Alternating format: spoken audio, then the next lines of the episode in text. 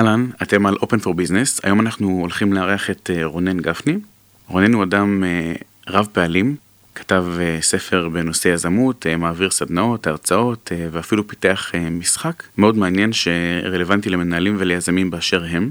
בין היתר הוא גם עשה הרצאות ב-TED, TEDx ועוד כל מיני דברים שנדבר עליהם בפרק. אנחנו נדבר על מה זה העולם החדש, איך אנחנו מתאימים את עצמנו אליו, כלים חדשים שבאמצעותם אנשים יכולים אה, להתאים את עצמם אה, לאותו עולם חדש, ועל היכולת והצורך לפתח חשיבה עצמאית עבור אה, יזמים צעירים ואנשים בכלל, ומקומו של סימן השאלה באותם תהליכים. יהיה מעניין, שווה להקשיב. אתן מאזינות ואתם מאזינים ל-Open for Business, הפודקאסט של מועדון היזמות של האוניברסיטה הפתוחה. אני מרום גולדשמיט, בוגר תואר ראשון בהנדסת תעשייה וניהול ותואר שני במנהל עסקים, שניהם באוניברסיטה הפתוחה. אני גם אחד המנהלים של מועדון היזמות בתוכנית למנהל עסקים של האוניברסיטה הפתוחה. האורח שלנו היום ב-Open for Business הוא אורנן גפני. אורנן מגדיר את עצמו כיזם ופילוסוף עסקי, התחיל את דרכו בעולם השיווק, ומזה למעלה מעשור, אורנן עוזר ליזמים לנפץ פרדיגמות ולהתאים את עצמם לעולם החדש, שמשתנה אל מול עיניהם. רונן הוא מחבר משותף של הספר היזמים החדשים, דובר TEDx, מרצה ומאמן בינלאומי. רונן, ברוך הבא לפודקאסט. תודה רבה, כיף להיות פה. יש משהו שתרצה להוסיף על מה שאמרתי? אמ, כן, שבעצם הדרך שבה אני עושה את זה בעשר שנים האחרונות, היא גם באמצעות אה, משחק לוח שפיתחתי. נגיע לזה גם. שנקרא פרשפיז, ודרך זה בעצם נולדה כל העשייה שלי בעולם ה... של ההדרכות והעברת אמ, תכנים, מסרים סביב העולם הזה של יזמות, חשיבה יזמית, אה, תודעה חדשה, כל הדברים האלה. כן, אז כל הנושאים שציינת אנחנו. בהחלט הולכים לדבר. נתחיל מלהכיר אותך טיפה. מעולה. נלך לשאלון הקבוע שיש לנו בפודקאסט. אני אבקש ממך לספר לי בבקשה על שני רגעים מהחודש האחרון, אחד חיובי ואחד שלילי יותר. אה, וואלה, אוקיי. יש לי רגע אחד שאני עוד לא יכול כל כך לשתף בו, אבל הוא היה רגע חיובי. אמ, האמת היא ש... אני חושב שבאמת, אחד הדברים הכי מעניינים שקרו לי בחודש האחרון, זה שהתקופה הזאת של ההתחלה של ה... כאילו חזרה לשגרה, אחרי שאנחנו סיימנו את כל הסאגה הזאת של הסגרים של הקורונה, אמ, אחד הדברים הכי טובים שקרו לי שם זה ההבנה שהחזרה לתוך החיים הרגילים היא, היא אופציה, היא לא הכרח. וכל הדברים הטובים שקרו בתוך השלב הזה, שהיינו קצת יותר בבית וקצת יותר מחוברים לטבע, אפשר לשמר אותם, והיכולת שלי רגע להחזיק את המצב הזה, זה מבחינתי רגע אה, משמעותי בחודש האחרון, במקום לרוץ רגע חזרה לעניינים. אה, משהו פחות חיובי שקרה בחודש האחרון? יכול להיות אפילו משהו מאתגר, או אתה יודע. כן, האמת היא שהיום בבוקר, אה, אנחנו בתהליך של שיפוט של בית, אני עובר בית עוד מעט, והיום בבוקר התקשר אליי הקבלן וסיפר לי שהפועלים שלו תקועים בטייבה, כי היה שם איזה שוטינג רציני, היו שם כמה הרוגים וכמה נפצעים, ופתאום אתה מסתכל על העולם הזה שאנחנו חיים בו, ומה קורה בארץ, וזה מאוד uh, החמיץ את ליבי. זאת אומרת, המקום הזה שאנחנו עדיין לא מצליחים, עם כל מה שעומד לרשותנו, להצליח לפתור את המרחבים האלה בתוכנו. כן, זה גם uh, מעט סוריאליסטי. ממש. אז זה, זה היה קטע קצת יותר uh, קשה. כל מי שאי פעם עשה שיפוץ יוכל לספר שכל יום הוא אתגר משל עצמו. כן, זה פחות העניין של, האתגר שלי של השיפוץ, יותר האתגר שלהם בתוך. המרחב המטורף הזה. ו... ברור. וזה החלק ה... שהוא, אתה יודע, בסוף הכל זה שיקופים של דברים שקורים בתוכנו, אז משהו שם עדיין כן. עוד, עוד קיים בנו, שאנחנו צריכים לדעת לפתור אותו. תגיד רונן, יש משהו מהתקופה האחרונה שהיית עושה אחרת אם היית יכול? אמ, לא, אני בדרך כלל לא בן אדם של חרטות. זה לא בהכרח, אה, לעשות אחרת זה לא בהכרח חרטה, אולי לדייק, לטייב, לשפר. אני, אני לא יכול להגיד לך, אתה יודע, כי כל דבר שאתה עושה, הוא מוליד בך איזושהי הבנה שהופכת אותך למי שאתה, אז להגיד לך שאני אעשה משהו אחר, אני לא יודע איך דברים כאילו ינעל פולד, כאילו כשזה יקרה, כן. ואיזה מסלול חיים זה ייצור, אז... בסדר, לא. לגיטימי. כן. תגיד, יש משהו שאנשים לא יודעים עליך והיית רוצה שידעו? אה, ושאני רוצה שידעו ברדיו, כאילו, אתה אומר, בשידור, למשל. כאילו. כן. אה, שאלה מעניינת. אה, אני חושב שאם יש משהו ש... אני חושב שאנשים לא מספיק יודעים עליי, או אולי יש איזושהי אשליה טיפה שונה, זה שאני הרבה פחות עסוק ממה שאנשים חושבים שאני. אוקיי, כן. מעניין. כן. מפתיע גם. בגלל כל העיסוקים שלך שאנחנו הולכים לדבר עליהם כן. בהמשך. כמה זמן לוקח לך להתארגן בבוקר? שעה, אוקיי. כן. אני קם באיזי, שותה קפה, אוכל איזה עוגה עוגיות שאשתי הכינה, תמיד יש. אה, קצת עובר על הטלפון, מדבר עם המשפחה, כן, שעה לפחות, מתקלח, מתלבש, מתארגן. יפה, מעולה. אני אשאל אותך עוד כמה שאלות קצרות וניגש לעניינים. אוקיי. חתול או כלב? כלב. גלידה וניל או שוקולד? אה, שוקולד. זה נשמע לא שלם עם זה. לא, אני אגיד לך למה, כי אם אני צריך לבחור טעם לאכול, כן, שוקולד, כן. וניל נכנס אצלי לתוך האפוגטו של הקפה, אז שמורה לו פינה, פינה חמה גם, אה, גם לווניל. חמה וקרה אה, גם. חמה וקרה, כן. אבל אם זה כדור נקי, שוקולד ללא ספק. קיץ או חורף? חורף. מקום מושלם לחופשה בחו"ל? אמסטרדם. יפה. ספר לי עכשיו במשפט מי זה רונן גפני. במשפט, וואלה. אני חושב שזה איזשהו שילוב בין רוח לחומר. זה, זה בגדול. בין מישהו שהוא בעננים לרגליים על הקרקע, מישהו שמאוד מחובר למשפחה שלו, אבל מצד שני יכול לעוף בראש לכל מרחב אחר. אני לרוב, למעשה אף פעם לא מגיב למרואיינים על השאלה הזאתי, אבל פה אני חייב להגיד שכשעשיתי את התחקיר עליך, זה למעשה גם המשפט שעבר אצלי בראש. וואלה. כי מצד אחד יש לך המון המון דברים מאוד קונקרטיים ותכלסים ומעשיים, כמו המשחק שעשית, וסטארט-אפים והרצאות ומיזמים ופודקאסטים וכל מיני דברים אחרים שעשית ואתה עושה לאורך השנים. ומהצד השני, גם כשדיברנו בהכנה לפרק, דיברת על כל מיני דברים שהם יותר רוח מאשר חומר, ואחת ההגדרות העצמיות שלך הן אה, פילוסוף עסקי. אז הקונטרסט הזה שלמעשה מהווה את המכלול שהוא רונן גפני היה מאוד מעניין מבחינתי ולכן גם בין היתר שמחתי להזמין אותך לכאן. תודה. אז uh, תודה רבה על התשובות. בואו נתחיל לדבר על מה שציינו קודם בהתחלה. מזה למעלה כעשור אתה עוסק בייצור תכנים בעלי ערך ליזמים, מנהלים ובעלי עסקים. סקרן אותי לקרוא על המשחק פרשביז שגם התחלנו לדבר עליו קודם, אתה עבדת עליו אם אני לא טועה קרוב לשש שנים. בואו נתחיל את הדיון שלנו בשאלה מה זה בכלל פרשביז ומשם נצלול הלאה. קודם כל, פרשבי זה, זה משחק לוח, אה, שהוא סוג של סימולציה עסקית, והמטרה שלו היא בעצם ללמד חשיבה, חשיבה יזמית, או מה שאני קורא לו חשיבה רב-מימדית.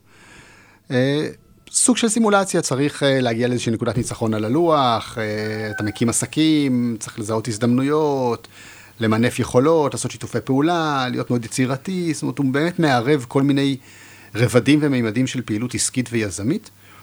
שככל שאתה משחק בו יותר, אתה ממש בעצם מכוות את המוח שלך לחשיבה, לחשיבה אחרת, שבעיניי גם חשיבה שהרבה יותר מתאימה לעולם החדש שאנחנו חיים בו. מעין מונופול עסקי שכזה? הייתי קורא לזה מונופול רב-מימדי של העולם החדש, אם אנחנו צריכים להכניס אותו לאיזושהי קטגוריה, כן? רק בלי לרושש את היריבים. בדיוק, שהמטרה היא לא לנצח אחרים, אלא באמת אה, להגיע להישגים מסוימים בתוך מסגרת זמן אה, שקבועה למשחק. בסדר גמור. נחזור אה, טיפה להתחלה, אחד הדברים שצדו את אה, עיניי, וגם אה, דיברנו על זה בטלפון, הייתה הגדרה עצמית שלך כפילוסוף עסקי. אז בוא תספר מה זה בעצם. זה מה שאני מחליט שזה, כי אין הגדרה כזאתי. אז... מן הסתם. אבל אני אסביר קצת איך היא, איך היא נולדה. ומה זה בעצם אמור להגיד לאנשים. זאת אומרת, ככה שכשישבתי וטיפה ניסיתי לדייק את המותג האישי שלי, זאת אומרת להבין בשבילי קודם כל מה אני עושה, ככה בתוך כל האוסף של הדברים האלה, אז הבנתי שבאמת בסופו של דבר, אה, המטרה שלי היא לעורר אצל אנשים שאלות. התפקיד שלי הוא לשים סימני שאלה. ו, וזה גם היה התפקיד של הפילוסופיה מאז, אה, מאז ומעולם. זאת אומרת, הפילוסופיה מחזיקה שתי רגליים, בוא נגיד. מצד אחד זה היכולת לשאול שאלות, וגדולי הפילוסופים ידועים בזה, לא בתשובות שהם נתנו, אלא בשאלות שהם שאלו. אה, סוג של כזה מין, אתה יודע, question everything. בואו נשים רגע סימן שאלה ליד כל תפיסה או אמונה שיש לנו על איך החיים או עסקים אמורים להתנהל, ואז נבדוק אם זה עדיין רלוונטי, אם זה מתאים, אם זה נכון, אם זה עובד לי, כל הדברים האלה. ובאמת, בצ... וברגל השנייה שלה, הפילוסופיה באה ושאלה את עצמה קודם כל שאלה, אה, האם בסמכותה בכלל להציע דרך חיים אלטרנטיבית? מי, מי שמה להחליט מה נכון ומה לא נכון? זו שאלה מאוד מהותית בשביל להתעסק בכלל בפילוסופיה. והפילוסופים הגיעו למסקנה שכן, יש להם את היכולת לבוא ולהציע דרך חיים אחרת, שבעצם הרעיון שעומד מאחוריה זה האם אנחנו מטיבים עם אותו אדם ש... שמקבל את העצה, זאת אומרת, האם אנחנו מאפשרים לו לדייק את המהות הקיומית שלו. מאותם דיונים פילוסופיים אה, עתיקים בא, באו מונחים כמו אה, דג מחוץ למים, או באמת לתמוך בציפור במעופה, זאת אומרת, אם אני יאפשר לדג מרחב נכון יותר בתוך המים, אז אני כפילוסוף עושה את העבודה הנכונה יותר. אם אני מאפשר לציפור לעוף, אז אני עושה את העבודה הנכונה יותר. זאת אומרת, אם אני מאפשר לאנשים לדייק את עצמם למהות האמיתית שלהם, אז זו המשמעות של הפילוסופיה. אז אני לוקח את העולם הזה ומביא אותו לתוך העולם העסקי-יזמי, בכלל גם, בכלל החיים. ו... ושואל שאלות, או מאפשר לאנשים רגע לשים סימני שאלה ליד אמיתות שכביכול הן אה, ברורות וידועות וקבועות. אתה יכול לספר לי על עוד איזה נקודה או שתיים מהחיים שלך שבהם הפילוסופיה פוגשת את הפרקטיקה? וואי, אני חושב שהיא פוגשת את הפרקטיקה בכל מקום. זאת אומרת, אה, כל שאלה היום היא... היא קודם כל, בעיניי כל שאלה היא לגיטימית. אני חושב שכמעט כל מערכת שאנחנו חלק ממנה דורשת שנשאל הרבה מאוד שאלות. אה, אני יכול להגיד לך מהחיים הפרטיים שלי, אנחנו נמצאים פה באוניברסיטה הפתוחה, אתה יודע, האם אה, תואר אקדמאי הוא נדרש, הכרחי, נכון, אה, רלוונטי, אם כן למי, באיזה אופן. אה, אני באופן אישי שאלתי את עצמי את השאלות האלה כמה וכמה פעמים, ואני התחלתי והפסקתי שלוש פעמים תואר ראשון, עד שהחלטתי שלא, זה לא עבורי. אה, אז זו דוגמה אחת, אתה יודע, לשים רגע בסימן שאלה ולהגיד, רגע, האם הדבר הזה שנקרא השכלה אקדמאית הוא מה שאנחנו קוראים לו כותרת אה, אדומה או כותרת ירוקה, בתוך המשחק יש כותרות, וכותרת אדומה היא חובה וכותרת ירוקה היא אפשרות. וחלק ממה שאני עושה זה, אתה יודע, אני הולך ופשוט מסתובב בעולם וצובע כותרות אדומות בירוק. זאת אומרת, במקום להגיד צריך, אני אומר, אפשרי. אז, אז זו דוגמה אחת, וזה נכון לגבי... כל דבר, אתה יודע, זאת אומרת, מה, האם צריך תוכנית עסקית, האם צריך יעדים עסקיים, האם צריך בכלל, אה, מה המטרה, האם כסף זאת המטרה, האם משהו אחר הוא המטרה, האם אה, אה, אני אמור לשרת את העסק שלי, או העסק שלי אמור לשרת אותי, האם אני... המון המון המון המון שאלות שבאות סביב העולם הזה של יזמות ועסקים וכסף והשכלה והתפתחות ו... ובטח ששנת הקורונה הייתה מלאה במלא מלא מלא סימני שאלה שנדרשנו לשים כדי uh, לבדוק מה נכון לנו. אין ספק. אני אקח את אחד הנושאים שדיברת עליהם קודם, ציינת את זה מספר פעמים, העולם החדש. גם בהרצאות שלך אתה מדבר לא מעט על הצורך בהתאמה לעולם החדש, אז בואו נספר למאזינים, נדבר מעט על מה זה אומר הלכה למעשה, מה זה אותו עולם חדש. קודם כל שזה די, זה די ברור שאנחנו באיזושהי תקופת uh, מעבר, uh, סוג של uh, תעלת לידה.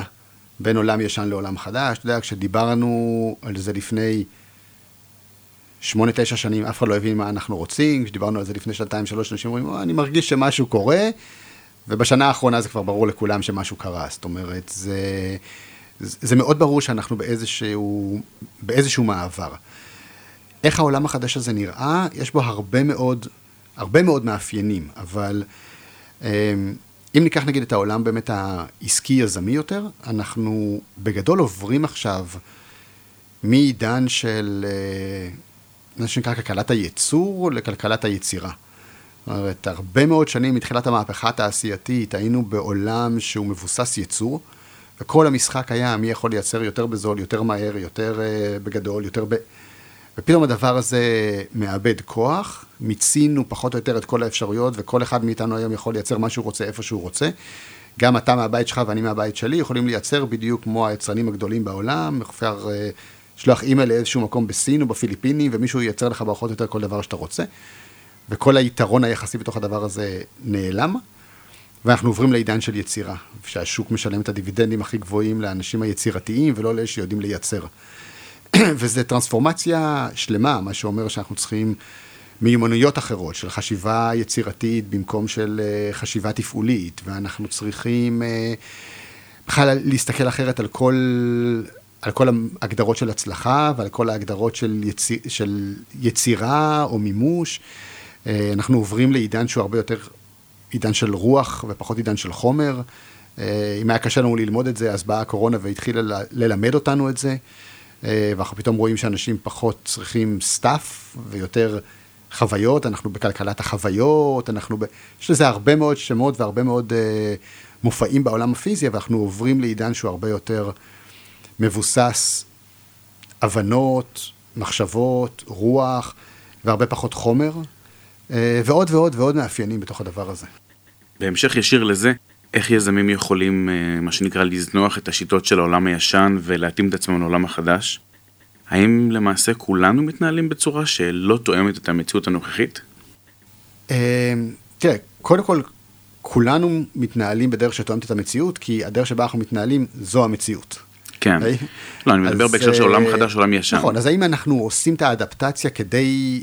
העניין הוא פה לא, בעיניי בכל אופן, זה לא האם אנחנו עושים את השינוי או לא כי העולם השתנה, אלא האם מה שיש לעולם היום להציע האם אנחנו משתמשים בזה בדרך שבאמת משרת אותנו בצורה הטובה ביותר? זאת אומרת, התפיסה הבסיסית שלי באה ואומרת, יש היום הרבה יותר אפשרויות, הרבה יותר הזדמנויות, הרבה יותר משאבים, שאנחנו יכולים להרשות לעצמנו רגע לשאול את השאלה, האם כל הדבר הזה שהופיע מול הפנים שלנו, יכול לשרת אותי יותר טוב מאיך שהוא משרת אותי היום.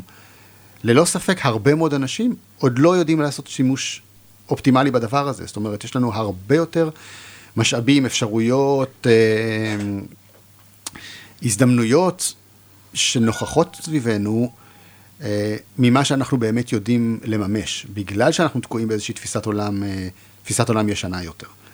אז, אז עוד יש שם דרך לעשות, אין, אין ספק כאילו. אז העולם החדש וכל ההזדמנויות החדשות והמציאות שמשתנה שאתה מדבר עליהן, טומנות בכוון אה, כלים חדשים שאפשר להשתמש בהם, גם התחלת לדבר על זה קודם, בהקשרים של ייצור ושל אינטרנט וכל מיני דברים כאלה. איזה עוד כלים חדשים, במרכאות או שלא במרכאות, אפשר להשתמש בעולם החדש? אז קודם כל יש לנו עולם שהוא מלא בידע ובתוכן, שאני חושב שאנחנו רחוקים מבאמת אה, לנצל אותו. דיברנו גם קצת בשיחה המקדימה שלנו על הנושא הזה של אה, ריבוי מקורות השכלה. כן. זאת אומרת, אה, אני חושב שכדי שנהיה יצירתיים יותר, אני חושב שקודם כל אנשים שהם יצירתיים יותר, יוכלו ליהנות יותר בתוך העולם החדש.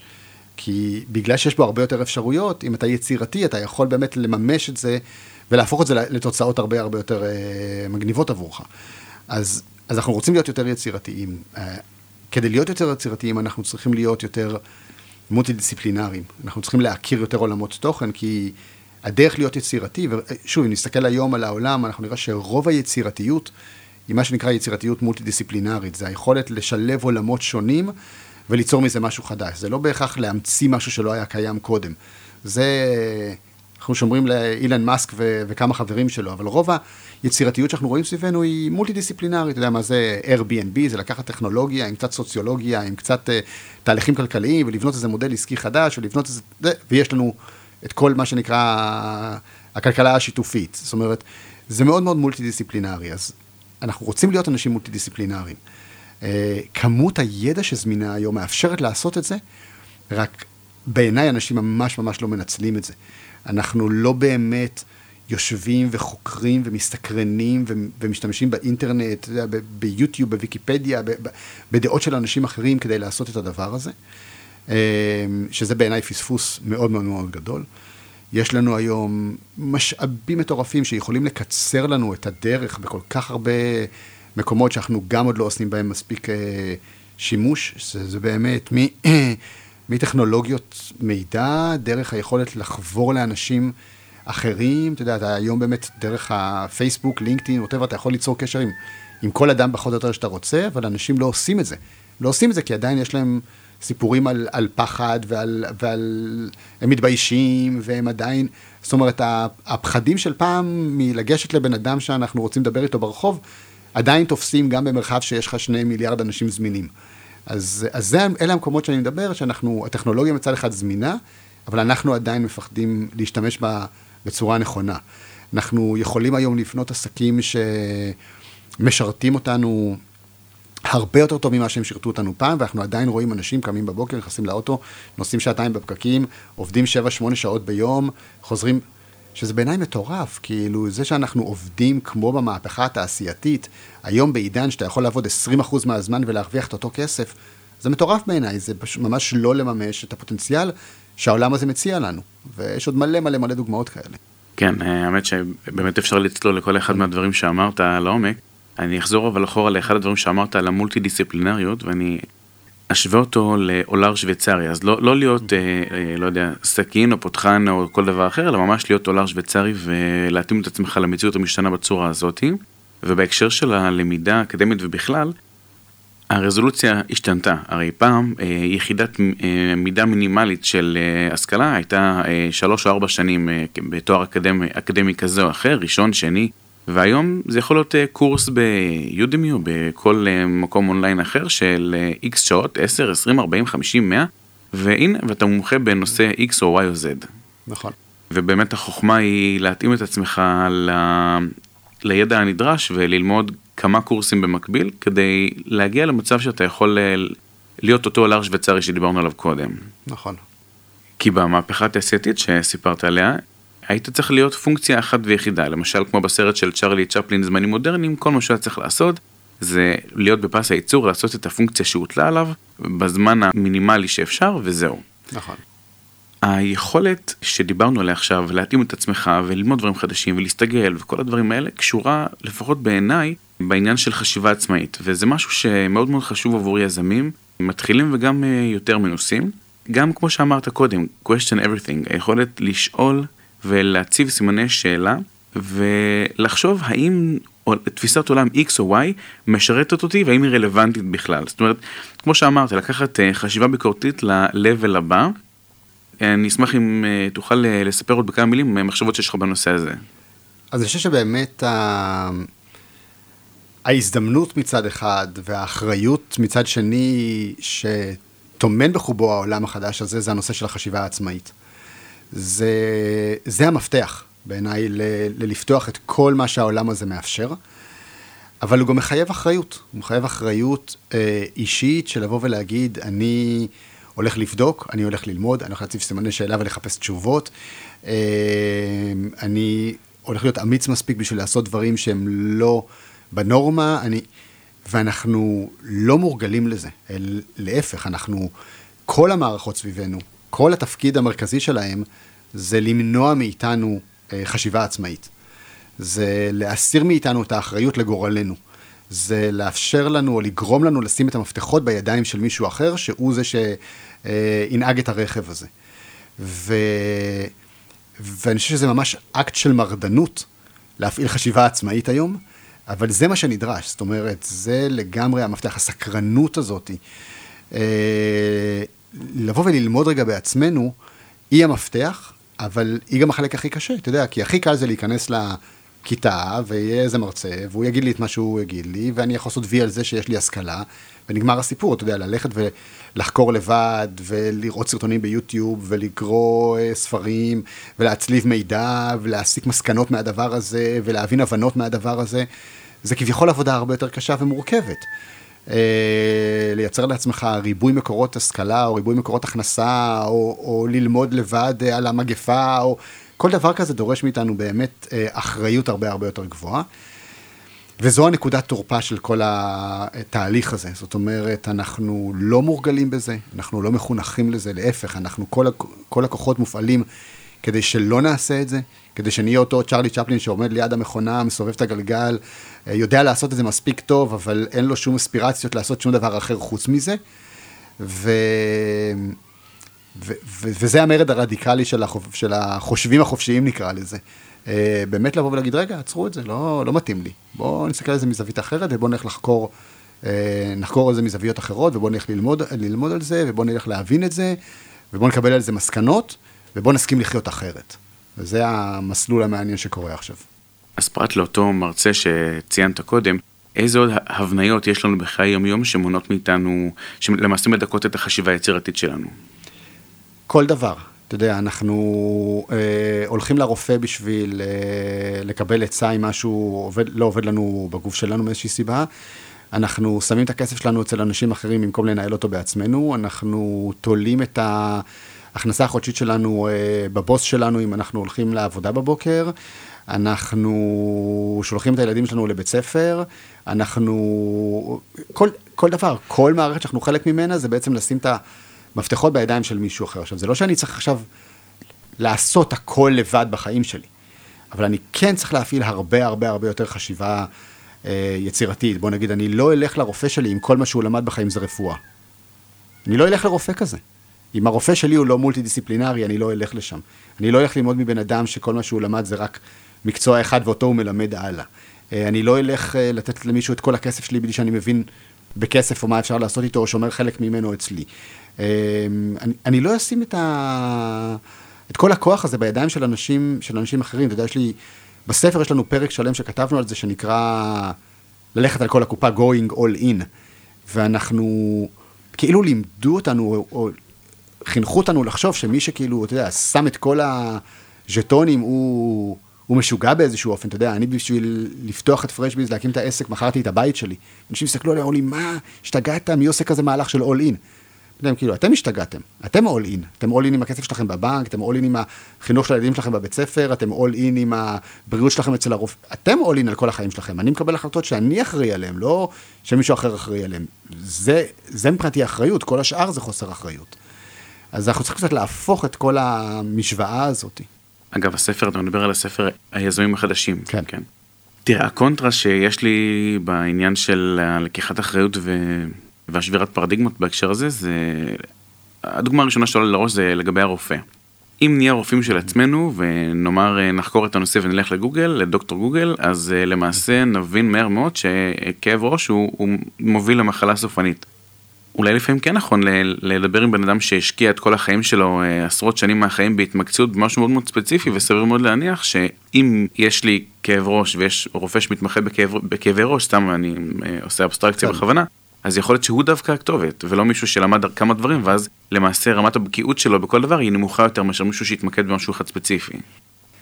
אז תראה, קודם כל, אני לא נגד רופאים, אבל אה, אתה יודע, יש אמרה שאומרת שכל מי, ש... מי שיש לו אה, פטיש, כל העולם בשבילו זה, זה רק מסמרים.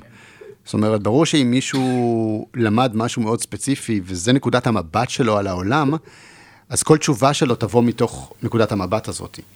אה, אני יכול להגיד לך שאני הלכתי לפני איזה חודש עם הבת שלי לרופא, כי היא הייתה צריכה לקבל איזה אישור לבית ספר על משהו, כאילו, הכל היה בסדר, רק הייתה צריכה איזה אישור. אוקיי. Okay. ואז הרופא בא ואמר לי, תגיד לי, אתם לא גרתם בארץ בחמש שנים האחרונות? אז אמרתי לו, לא, אנחנו דווקא, למה, למה אתה שואל? כי לא הייתם פה. כן. אמרתי לו, כן, תודה לאל, אנחנו כאילו שומרים על עצמנו, זאת אומרת, אתה יודע, אבל יש לי, יש לי ילדים גדולים כבר, אתה יודע, הבן שלי בן 21, הבת שלי בת 16, טפו טפו טפו, מעולם לא הייתי איתם בשום מוקד, ויש לי חברים שעל כל אה, פיפס רצים למוקד או לחדר מיון, או הרופא אצלם הוא בספיד דייל, כאילו. זה לא בגלל שהם חולים יותר, או אנחנו חולים, אלא פשוט יש לי סט כלים הרבה יותר רחב לטפל בדברים מסוימים. זאת אומרת, אה, מצד אחד אתה יכול לבוא ולהגיד, כן, אם אני אפתח את גוגל, אז כל כאב ראש הוא סימפטום למחלה סופנית. מצד שני, אתה גם יכול להגיד, רגע, כל כאב ראש הוא סימפטום לאיזושהי השתקפות רגשית, ומשהו כנראה לא, לא מסודר לי בתוך הנפש, ורגע בוא נפתור את זה ממקום אחר, ו, ורגע יש משמעות לכמה מיץ תפוזים אני שותה, ולכמה זמן אני מבלה בשמש, ויש לי אחריות על הדבר הזה.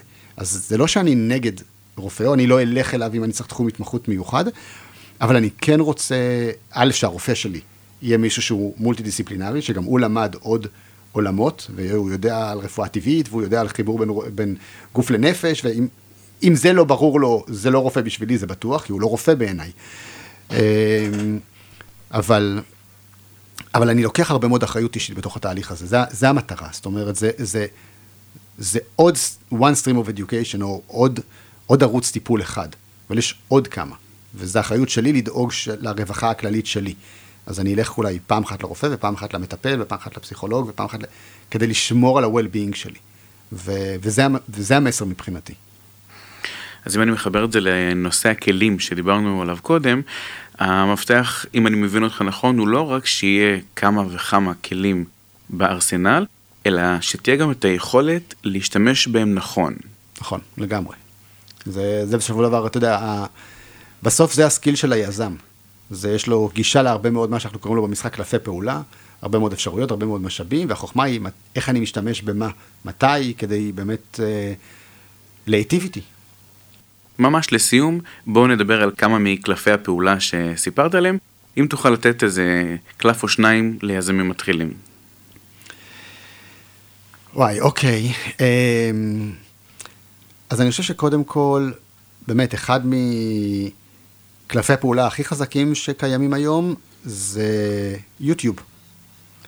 אה, אני מבלה המון זמן בלחקור עולמות. זאת אומרת, אני חושב שהיתרון שהגענו אליו היום, במצב שהגענו אליו היום, זה שאנחנו כבר בכלל לא עסוקים בלחפש. אנחנו עסוקים בלמצוא. אין, אין משהו שתחפש ולא תמצא. אין מידע שלא זמין. וזה יתרון עצום. אתה יודע, תחשוב, קח 500 שנה אחורה, קח 200 שנה אחורה, היית רוצה לדעת משהו, ויכול להיות שהתשובה לא הייתה קיימת. כן. היום היא קיימת. ההבנה שכל דבר שאני ארצה לחקור בו לעומק, הוא זמין לי, היא מטורפת. זה, זה בעיניי בלתי נתפס. אתה יודע, אני ראיתי לפני יומיים סרט יהודי על, על ביטקוין. עכשיו, זה לא שאני לא מכיר את ביטקוין ולא... אבל פתאום זה הדליק לי עוד איזה משהו, ומישהו שם דיבר פתאום רגע על, ה-white paper המקורי ש, שנכתב כשיצא הביטקוין. אמרתי, וואי, מעניין, אפשר ללכת לקרוא אותו. אתה יודע, אתה פתאום הולך ליוטיוב, אתה אומר, אוקיי, white paper של ביטקוין, הוא זמין לך. ומעבר לזה יש לך עוד 200 סרטונים של אנשים שמסבירים את ה-white paper של הביטקוין, ואז יש לך עוד כמה סרטונים שמסבירים את הטכנולוגיה וכמה זה על ה... הכל זמין, זאת אומרת, כל מה שאנחנו צריכים זה רק להדליק את ניצוץ הסקרנות, והמידע הוא שם. אז זה בעיניי אחד הכלים הכי הכי הכי הכי משמעותיים שיש. ו... והדבר השני זה, זה ההקשבה לקול הפנימי, אוקיי? זה אולי נשמע כמו לא כלי פרקטי, אבל אני, אני אומר את זה תמיד בתוך הסדנאות שלי, בתוך, אתה יודע, הרבה פעמים אנשים באים ואומרים, אוקיי, תן לי טיפ, תן לי כלי פרקטי, תן לי... חבר'ה, הפרקטיקה הכי טובה שאתם יכולים זה, זה פילוסופיה טובה. כי, כי כל השאר זה, אתה יודע, זה אבנים ומקלות, זה לא משנה. זאת אומרת, uh, הכל היה כאן קודם, גם לפני 60 אלף שנה. מה השתנה? זה לא שנפלו על כדור הארץ משאבים חדשים שהפכו אותנו למי שאנחנו. זה רק ההבנות שלנו על מה עושים ממה שכבר קיים שמשנה. ופה הנושא של הקול הפנימי, השאלה הפנימית הזאת של מה נכון לי, לא מה אמרו לי שנכון, אלא מה נכון לי. יודע, אני, ואיך כל מפגש שאני מתחיל עם יזמים, אני אומר, בעיניי המטרה של עסק זה לשרת את החיים שאני רוצה לחיות, ולא הפוך. לא אני בא לשרת את העסק, אלא העסק בא לשרת את החיים שלי. ורק ההיפוך הזה כבר משנה הכל, הוא משנה את המודל העסקי, את הכמה שעות אני רוצה לעבוד ביום, את מה אני עושה, את על מי זה משפיע, את כל הדברים האלה, רק מהשינוי תפיסה הזה של כאילו, לשם מה זה קיים. זה קיים כדי לשרת איזה, איזה שליחות שיש לי בעולם הזה. בוא נבין מה עובד עבורי, לא מה לימדו אותי שעובד, מה עובד עבורי. זה, אני חושב, השאלה הכי הכי חשובה שיזם צריך לשאול, בכלל בן אדם צריך לשאול את עצמו, ומשם מתחילות לעלות. זה אם אתה לא מפחד לחקור, וטיפה להסתק... להסתקרן ולהעיז לפעול אחרת, זה, זה בעיניי התורה כולה. אז חשוב שתהיה מפה איכותית ושכל אחד יתווה לעצמו את הדרך שנכונה לו. לגמרי, לגמרי, לגמרי. מעולה. רונן גפני, תודה רבה, היה מאוד מאוד מעניין. תודה רבה. והמון המון בהצלחה בהמשך העשייה שלך. תודה רבה, גם לך. תודה רבה. ספרו לנו מה חשבתם על הפרק. יש שאלות היכרות עם המרואיינים שהייתם מוסיפים, מורידים, משנים? משהו שהייתם רוצים לשאול את רונן? ספרו לנו בקבוצת הפייסבוק שלנו, מועדון היזמות של האוניברסיטה הפתוחה, הקבוצה. לינק לקבוצה נמצא בתיאור הפרק. אתם האזנתם לפרק נוסף של Open for Business. הפרק הוקלט באולפני האוניברסיטה הפתוחה בכפר הירוק. על הסאונד, אורי דגני. תודה, ונשתמע בפרק הבא.